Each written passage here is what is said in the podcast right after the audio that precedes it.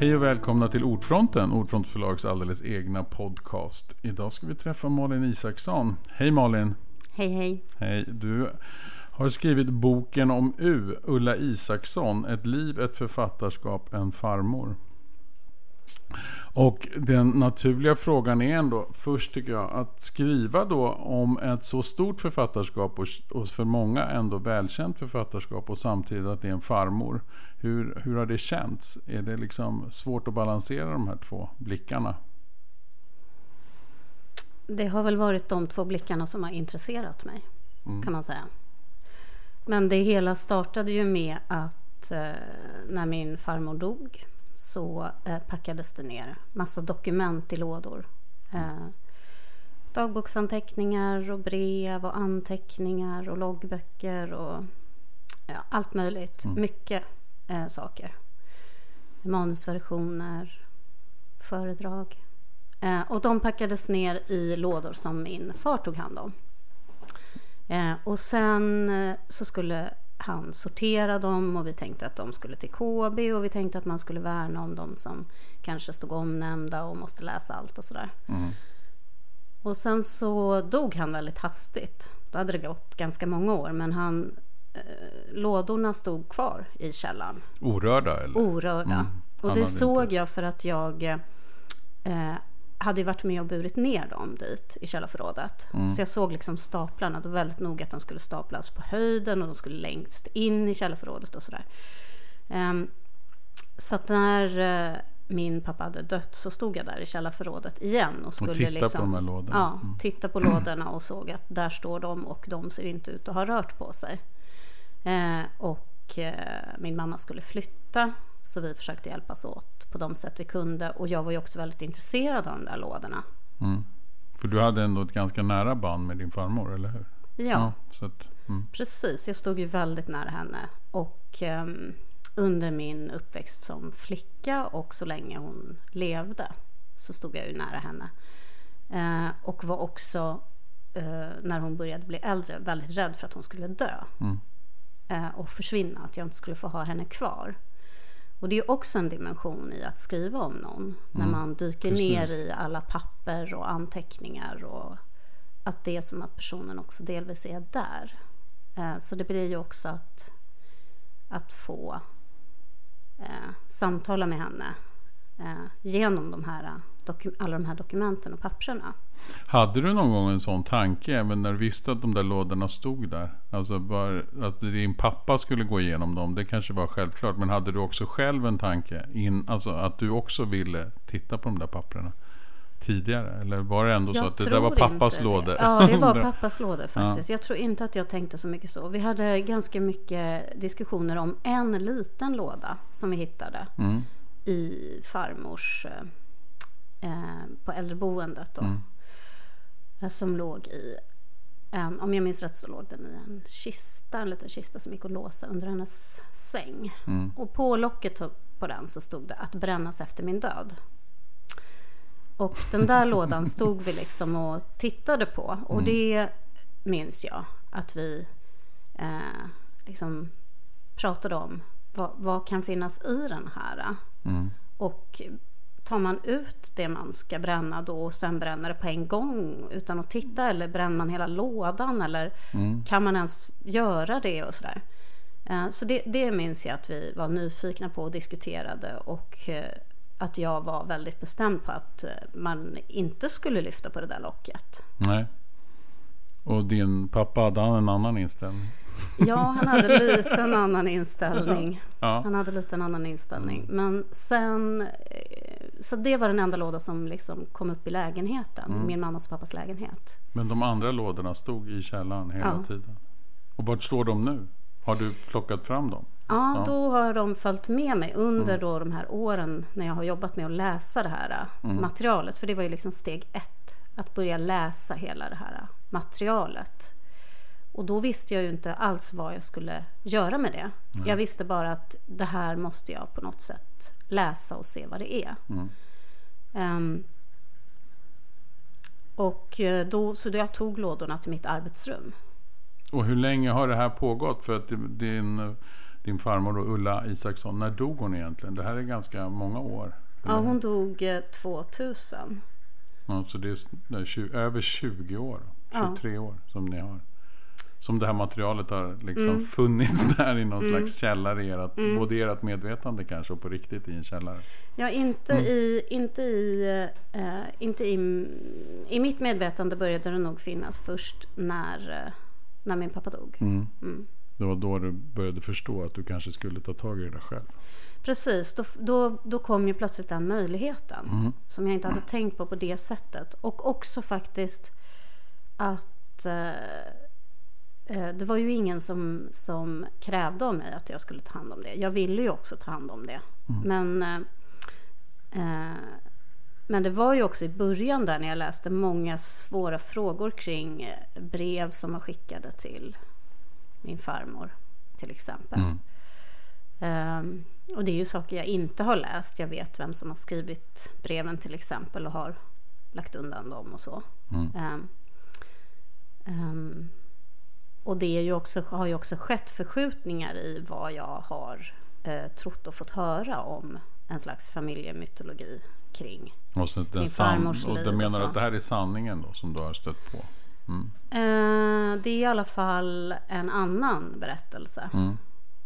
Eh, men det ligger ju flera berättelser intill varandra. Och det tycker jag är ganska spännande. Hur ett liv kan skildras. Och hur en berättelse används för att kunna överleva. Mm. Tänker jag mig. Um, min farmor berättade mycket för mig när jag var flicka om sitt liv. Och uh, till exempel om hur uh, min farfar träffade en sekreterare när mm. hon precis hade fått sitt andra barn mm. och ville skiljas. Och hur han sen... Eh, och sen hade de en... De separerade och så hade de en lycklig tid, kvinnotid i den här stora lägenheten på Birger när min farmor hyrde ut rum till studentskor och hon hade sina två små söner. Och den eh, lyckliga kvinnotiden såg jag ju inte alls lika mycket av när jag började läsa det här materialet. Um, så att på något sätt så skapar man också en slags, ja, man, skapar. man, skapar sitt eget liv också. Ja, alltså så, precis. Ja, inför sig själv så försöker man överleva på olika sätt. Ja. Mm. Och många av de berättelserna var ju, som hon berättade för mig när jag var flicka, var ju en slags styrkeberättelser. Det handlade om flickor och kvinnor. Hon mm. berättade också om när hon själv var barn och flicka. Eh, flickor och kvinnor som på olika sätt eh, överlevde och tog sig igenom saker. Det var för att ge dig styrka också kanske? Eller liksom ge dig ett slags eh, det självförtroende kanske, eller så? Ja, eller? men det ja. kanske var det. Mm. det. det. blev i alla fall eh, ett slags berättande som pågick under hela mm. min barndom. Mm. Eh, men det var ju inte bara för mig hon berättade det. Hon har ju berättat det i, också eh, i olika eh, intervjuer och så. Mm. Eh, Kanske inte det här om farfar och, och sekreteraren. Men hon har ju till exempel berättat hur det gick till när hon blev författare.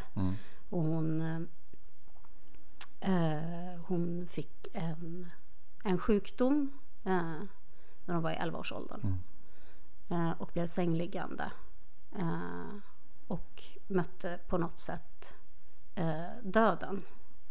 Och när hon klev upp ur den där sängen och hade blivit frisk då var hon inte densamma. Hon, kunde, fick, hon hade fått ett hjärtfel och hade, fick inte springa, fick liksom massa mm. förhållningsorder. Fick inte springa, inte åka kälke, inte vara med på gympan på skolan och så. Och då eh, hade hon liksom blivit den här andra flickan. Och den här andra flickan gick till Nationalmuseum. Eh, och farmor är ju, var ju född 16 så det här var ju det är länge sedan. Mm. Det var inte så att barn gick på museum och speciellt inte själva. Nej. Men hon gick in där i de där stora salarna och berättade sen då hur, att, hur det var där hon blev författare. Mm. Och det var väl också, hur lång tid tog det då från det att hon föddes till att hon debuterade? Liksom hon var relativt ung ändå när hon mm. debuterade. Eller? Alltså 40 debuterade hon. Mm.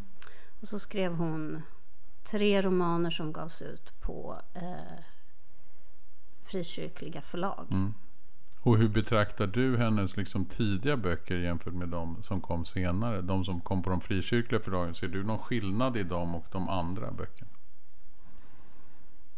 Ja, det var väl en av de svåraste mm. sakerna mm. att förstå med det här materialet. Mm. Hur, för jag är ju inte troende på det sättet. Nej. Och eh, att förstå hennes otroliga övertygelse. Hon predikade inom Missionsförbundet, hon var jätteaktiv mm. i, eh, i Emanuelskyrkan här i Stockholm. Och hon, eh, hon var med, hon var jätteaktiv i ungdomsverksamheten och någon slags ledare där och sådär. Hon skrev krönikor och grejer i olika eh, missionsförbund där, mm. kanaler. Eh, det, det tycker jag, för att om jag skulle skriva om henne så behövde jag ju på något sätt förstå. Och det, det var, det var, eh, det var svårt att förstå den, den religiositeten. Mm. Och det gör ju då också att jag har eh, svårare för de tidiga böckerna. Och hon ser ju inte heller på dem, hon ser ju på det som att hon har skrivit dem, men hennes egentliga debut kom med Ytterst i havet som kom 50. Mm. Um, och då tog hon klivet från det här missionsförbundarlivet över i... Hon lämnade missionsförbundet. Um, det gjorde hon efter Ytterst i havet. Och då hade hon haft den här äktenskapliga krisen och en kris med Gud. Mm. Eh, som ledde till en livsomvälvande förändring inom henne. Och den förändringen, eh, utan den förändringen hade Ytterst i havet inte varit möjlig att skriva, tror jag. Nej. Och inte heller varit nödvändig att skriva. Nej, för då hade livet också pågått kanske som precis. tidigare. Ja, ja. Precis. Så att hon gör liksom en stark omorientering där, både i livet och i texten. För samtidigt som det ofta finns kvar i hennes senare författarskap också en slags kamp, eller en mm. diskussion om Gud och tron och hur man ska leva och moralen och sådär, eller hur? Det, ja, absolut. det finns där hela tiden. Ja. Mm det tror jag att hon kämpade med under mm. livet och var upptagen av under livet. Eh, att hon, att hon hade, var uppvuxen i under så många år i en slags livssyn där det fanns en väldigt kraftig dualitet mm. mellan de som var med i församlingen och de som inte var med i församlingen, mellan de frälsta och förtappade och sådär. Mm. Sen hade hon en ambition inom Immanuelskyrkan, verkade som, av det som jag kan läsa, att eh, inkludera verkligen. Mm. Hon hade en ganska frimodig syn på, eh, på Gud, verkar det som också.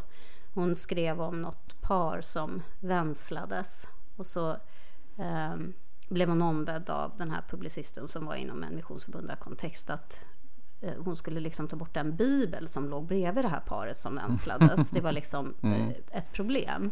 Mm. Eh, och då eh, var hennes svar att eh, ingenting är främmande för Gud. Gud Nej. ser allt. Mm. Det är hon... rimligt ändå tycker jag. En rimlig mm. tolkning. Ja. Mm. mm. Ja. Mm. Och då så tror jag, det är väl också därför kanske som det finns hela tiden den där spänningen också. För hon är medveten om att Gud ser allt även senare kanske i livet. Eller vad tror du? Att hon är medveten om att det finns en blick där.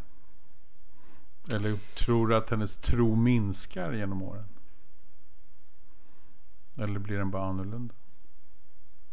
Det är ju en väldigt svår fråga. Mm.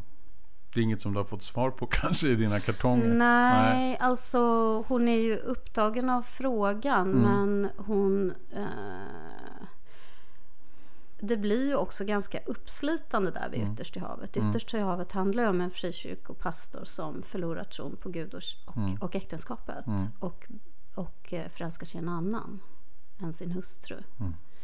Eh, och när den kom ut så fick hon väldigt mycket kritik från Immanuelskyrkan och från Missionsförbundet eh, som var ganska hård. Mm. Eh, och hon väljer att lämna både Immanuelskyrkan och Missionsförbundet.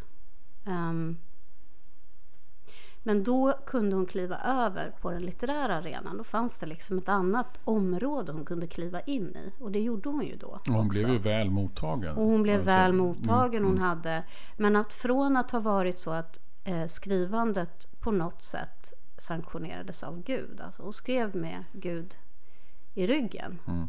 Så börjar hon ju efter Ytterst i havet, eller i och med Ytterst i havet när hon skriver den, att skriva för att försöka förstå och undersöka mm.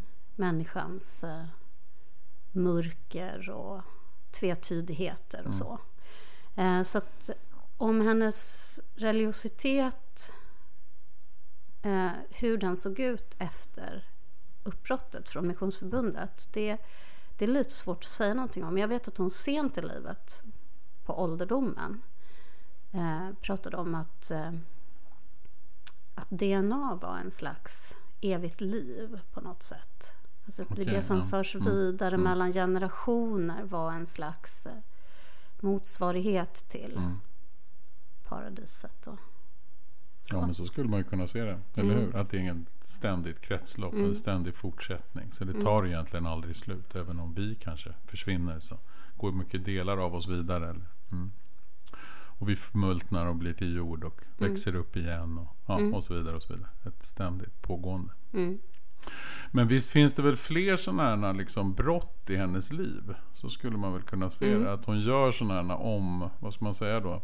Omförhandlingar eller att det blir förändringar som är ganska kraftiga i hennes liv. Ja. Eller hur? Och de förknippas ofta med, litteratur, alltså med böcker hon skriver, eller hur? Eller man kan se det i böckerna. Ja, det tycker mm. jag mm. att jag kan se. Um, och där är ju, det finns några sådana. Uh, och den första är ju den här flickan som blir sjuk mm. och känner att hon inte får plats i sitt eget liv. Mm. Hon är för, för ostyrig och för många, har för många sidor. Hon har för många ullor i sig och får mm. inte plats. Så det är liksom en första sån, mm. ett sånt problem hon stöter på när hon behöver göra någon slags omförhandling. Det är ett mm. fint ord tycker jag, omförhandling. Um, och sen är det vi ytterst i havet med den här äktenskapliga krisen. Uh, och krisen eh, med Gud. Mm. Och så kommer boken efter, efter det. Sen förenas min farfar och farmor igen mm. efter det här mm. och lever många år tillsammans. Um, men sen är ju nästa sån eh, omförhandling eller eh, är ju vid den eh, De två saliga. Mm. När kommer den nu då? Ja, det måste jag kika här så jag inte säger fel. Precis, den kom ju 62. Mm. Um, och eh, då förändrar hon livet på det sättet att hon efter att ha levt i en hemlig relation med Erik Hjalmar Linder under mm. många år eh, samtidigt som hon har varit gift med min farfar mm. eh, de bestämmer sig för att skilja sig och då kommer, eh, då kommer boken innan. Och så skiljer de sig. Mm. Så att jag funderar ju på om boken är som en trampolin mm. in i det för nya livet. För steget, att våga ja. ta steget. Frigöra sig och så. Ja. ja. Medan då ytterst i havet kommer som den skördar frukterna av på något sätt den kris och den omorientering hon har gjort och varit tvungen att göra i och med, i och med krisen med i äktenskapet och med Gud. Mm. Um, men som en väldigt tydlig konsekvens ändå, tycker jag mig se. Mm. Och den, det tredje, det här stora skiftet, är ju eh, när hennes man då, Erik Hjalmar Linder, som hon också mm. är gift med i många år, eh, han glider bort i demens. Mm. Eh, och hon skriver boken om E. Mm. Eh, och den då är hon med om krisen först och skriver boken sen. Mm. Och det första manuset lämnar hon till Bonniers och sin förläggare där. Alltså, det är några veckor eller någon månad bara innan Erik dör. Mm. Och de har ju följts åt så otroligt tätt i arbetet. I samtalet om litteratur, i skrivandet. De har skrivit en biografi om Elin Wägner tillsammans. De har mm. diskuterat all ny litteratur som kommer ut. De hade ett, ett jättesamtal som pågick under alla år de levde ihop. Mm. Eh, och eh, det samtalet tar ju slut i med hans demens. Det dör, mm, dör liksom långsamt bort. bort. Ja. Eh, så boken om E skriver hon, eh, i förordet säger hon att hon skriver för att hitta tillbaka till det som var, till den kärlek som var som, mm. som hon har förlorat Och hur länge var hon sjuk? Vet du det? Alltså, har du någon aning om hur länge det pågick det här borttynandet? I då mm. eh, då eh, från mitt perspektiv så var det i några, i mm. några år mm. som det var problematiskt på vårt sommarställe. Mm. Då man märkte det och man fick hjälpa till med grejer och, och saker var förvirrande och så. Och då kanske hon hade upptäckt det ännu tidigare då? Kanske. Precis. Så det var en och långsam jag, process? Ja, det var en mm. långsam process. Och sen bodde han ju på ett boende under några år mm. också. Så det och var tror du att lång... hon skrev det här manuset, eller höll på med det manuset under hela den här sjukdomstiden? Tror du att det var så? Eller tror du jag, att hon skrev tror... det liksom mer akut senare? Om du säger om alltså sista året eller så. Eller vad tror du? Jag tror att det var så här att hon skrev för att klara dagen. Mm. Eh, och vände, hon hade, det var flera kollegieblock och sen så står det i boken om E om en unika box där hon har liksom slängt ner massa lappar. Hon mm. skrev, vände blad, hon ville inte se. Nej. Och det här blev ett ganska stort material. Eh, och ur det här materialet när Erik har flyttat till ett boende så börjar hon kika på det. Eh, och mitt intryck är att då fanns all text där. Mm. Det hon har gjort är att hon har eh, sett vilka delar hon vill använda eh, och hon har eh, lagt dem i den ordning hon tycker att de ska vara men egentligen inte skrivit om speciellt mycket. Mm. Och det var det hon då skickade till sin förläggare och bara några veckor efter för en första läsning. Mm. Hon också, och det, det, finns ju ett brev som hon har skrivit till sin förläggare där hon också ber henne att läsa kritiskt.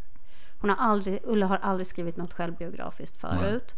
Hon har inte skrivit i första person på det sättet alls. Och det hängde väl ihop med tiden, men det hängde också ihop med att det var Eh, hon, hon skyggade för det tror jag, mm. att göra det. Mm. Eh, och eh, jag får ju, jag kan ju fantisera om, det är ju ingenting man vet, men jag kan ju fantisera om att Erik väntade med att dö. Mm.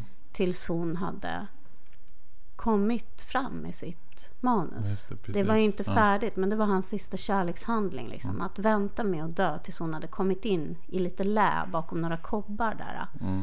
Med sitt manus. Uh, och det är fint att mm. tänka så. Mm, absolut, verkligen. Mm.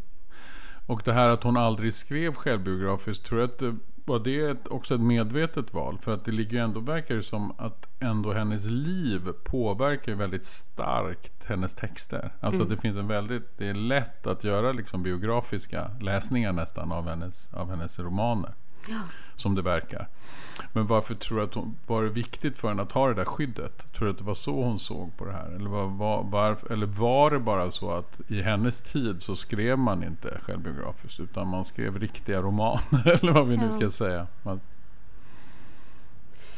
Ja, det har jag mm. funderat sjukt ja. mycket på. Mm. Men vad, vad tror du? Det var ju liksom många som inte skrev sådana typer av romaner då.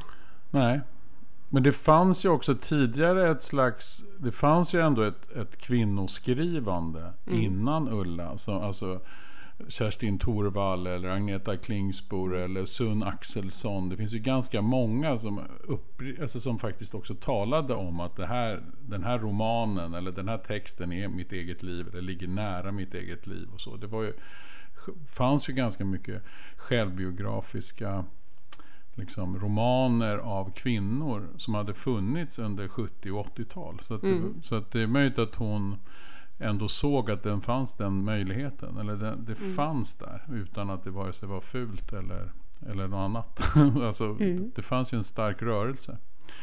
Som det väl ofta gör tror jag när nya människor, alltså när man ska manifestera en rörelse jag tänker bara på arbetarrörelsen och arbetarlitteraturen. Den är ju också väldigt erfarenhetsbaserad och självbiografisk. Väldigt ofta.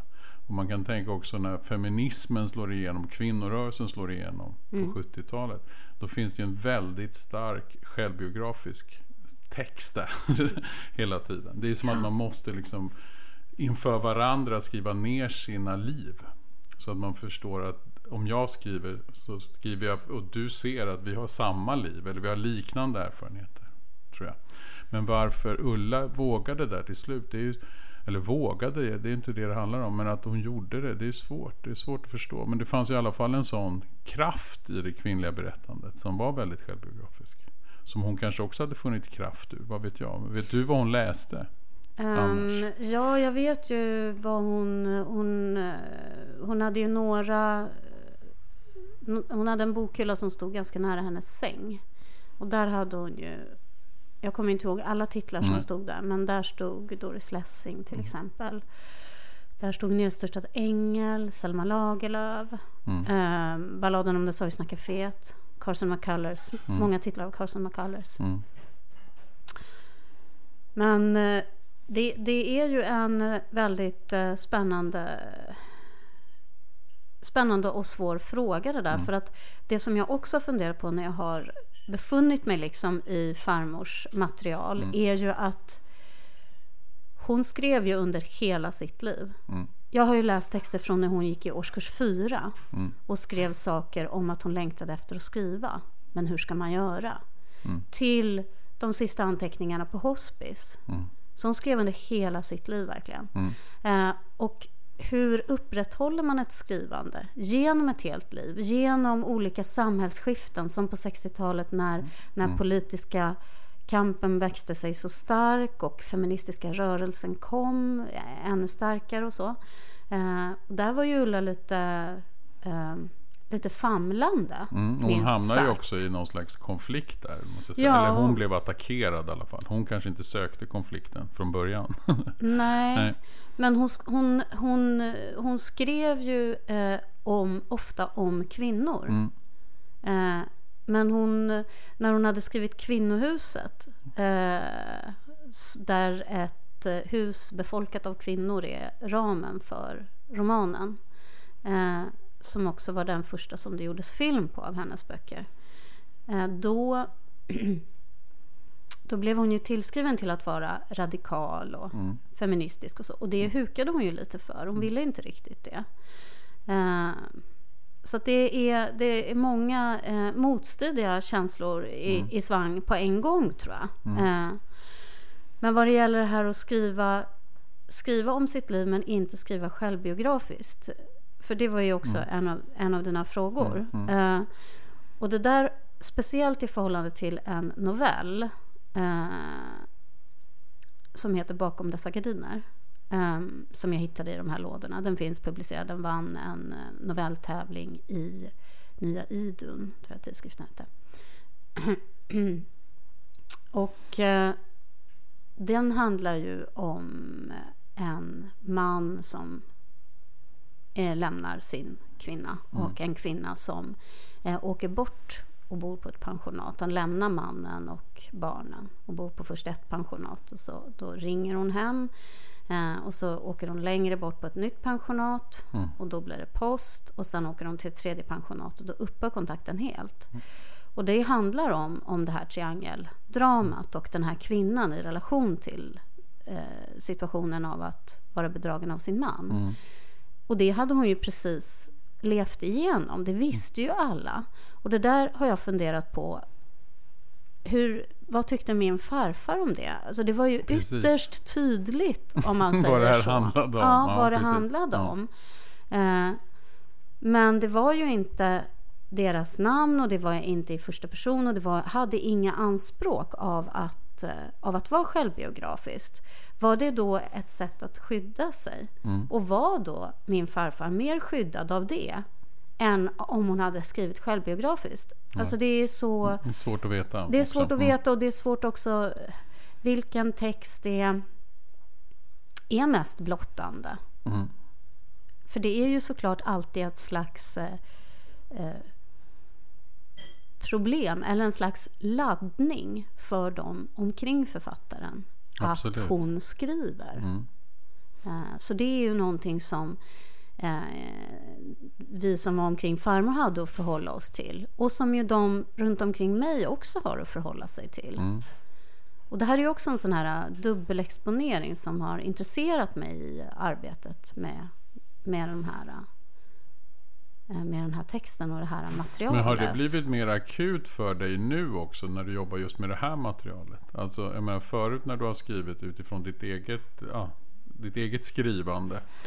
Då, får ju, då är det ju ändå, du bestämmer ju på något sätt allt, eller hur? Det är ändå utifrån dig och ditt perspektiv. Här ska du ju också skildra någon annan. Och sen så har ni samtidigt haft den här relationen. Alltså hur, hur har du klarat den där klyvnaden? Hur har det, hur, det var det jag var inne på från början där lite. Mm. Vad är, blev det jobbigare nu på något sätt? Eftersom du också ska skildra en, en farmor. Och du har din bild av farmor. Andra kan ju ha andra bilder av farmor. Eller hur? Ja. Mm. Um, alla får väl ha sin bild. Jag kan ju bara ha, din bild. ha min äh, bild. Ja. Men det är klart att det inte är någon lätt eh. Eh, det är inte lätt att förhålla sig till det Nej. ändå. Nej. Så. Men jag tror att jag genom det här äh, har... Jag blev ju lite besatt av det här materialet. Ja. Jag är ju lite förälskad i det här du materialet. Du beskriver det fint också i boken måste jag säga. Mm. Mm. Ja. Men fortsätt. ja. ja. Men jag, jag, jag tycker ju att det har varit fantastiskt alltså att läsa det här. Och mm. jag har ju också gjort så att jag har skrivit av mycket.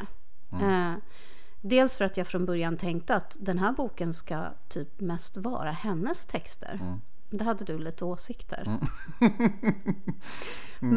men, eh, men det var ju mitt sätt att liksom skriva in hela det här materialet i kroppen på mig själv på något sätt. Ja, precis. Eh, så att jag har ju, ett, jag har ju ett väl, en väldigt nära relation till det här materialet. Mm. Och innan jag gick hit nu så fick jag en fråga om, uh, om just en passage i texten. Mm. Ett citat. Och då kan jag jag vet precis vad det står. Mm. Det står i den där röda dagboken. Mm. Eh, så att jag har liksom, det här materialet finns inom mig nu och det har eh, burit mig på något sätt. Att mm. jag har varit så nyfiken på det här materialet. Eh, och det har nog kanske också gjort att jag har vågat eh, mig på projektet. För att jag så gärna vill vara i närheten av alla de här texterna hon har skrivit. Mm. Och försöka förstå kopplingarna mellan ett brev som är ställt till Erik där hon skriver någonting om hur hon har börjat fundera på de två saliga. Eller, eh, och sen kan man se vissa spår av det i de två saliga. Och, och så har hon ju också haft en, en, en fantastisk vana av att när hon, gjorde, när hon skulle ha boksamtal eller författaraftnar mm. Mm. Eh, då har hon skrivit ner allt hon ska säga. Eh, en slags talmanus. Det, är en, det finns en muntlighet i dem, en mm. slags riktning mot en mm. publik. Men det är hela meningar, det är inga stolpar eller mm. något sådär. Och kan också stå inskrivet vilka sidor i romanen hon ska läsa högt och sådär. Och då mm. står det kanske att nu tänkte jag läsa lite från sidan. Mm. Och så. skriver hon in precis Ja, hon skriver in precis vad hon ska säga. Och de där, många av de där finns ju kvar. Mm. Eh, och där funderar hon kring sina böcker och sin skrivprocess och, eh, och också möter på ett sätt som... Hon, hon talar både, tycker jag, till den som är, eh, kanske har läst mycket eh, och är, har tänkt mycket kring litteratur. Men hon talar också till de som inte har gjort det. Mm. Eh, och den bredden, den, eh, den var ju fin att upptäcka. Och överhuvudtaget så är jag ju ja men det kanske hörs när jag pratar om mm. de här mm. texterna, att jag är ju väldigt eh, engagerad i dem mm. alltså. Mm. Och jag kan ju följa henne, det är ju som att, eh, som att få gå snett bakom hennes axel.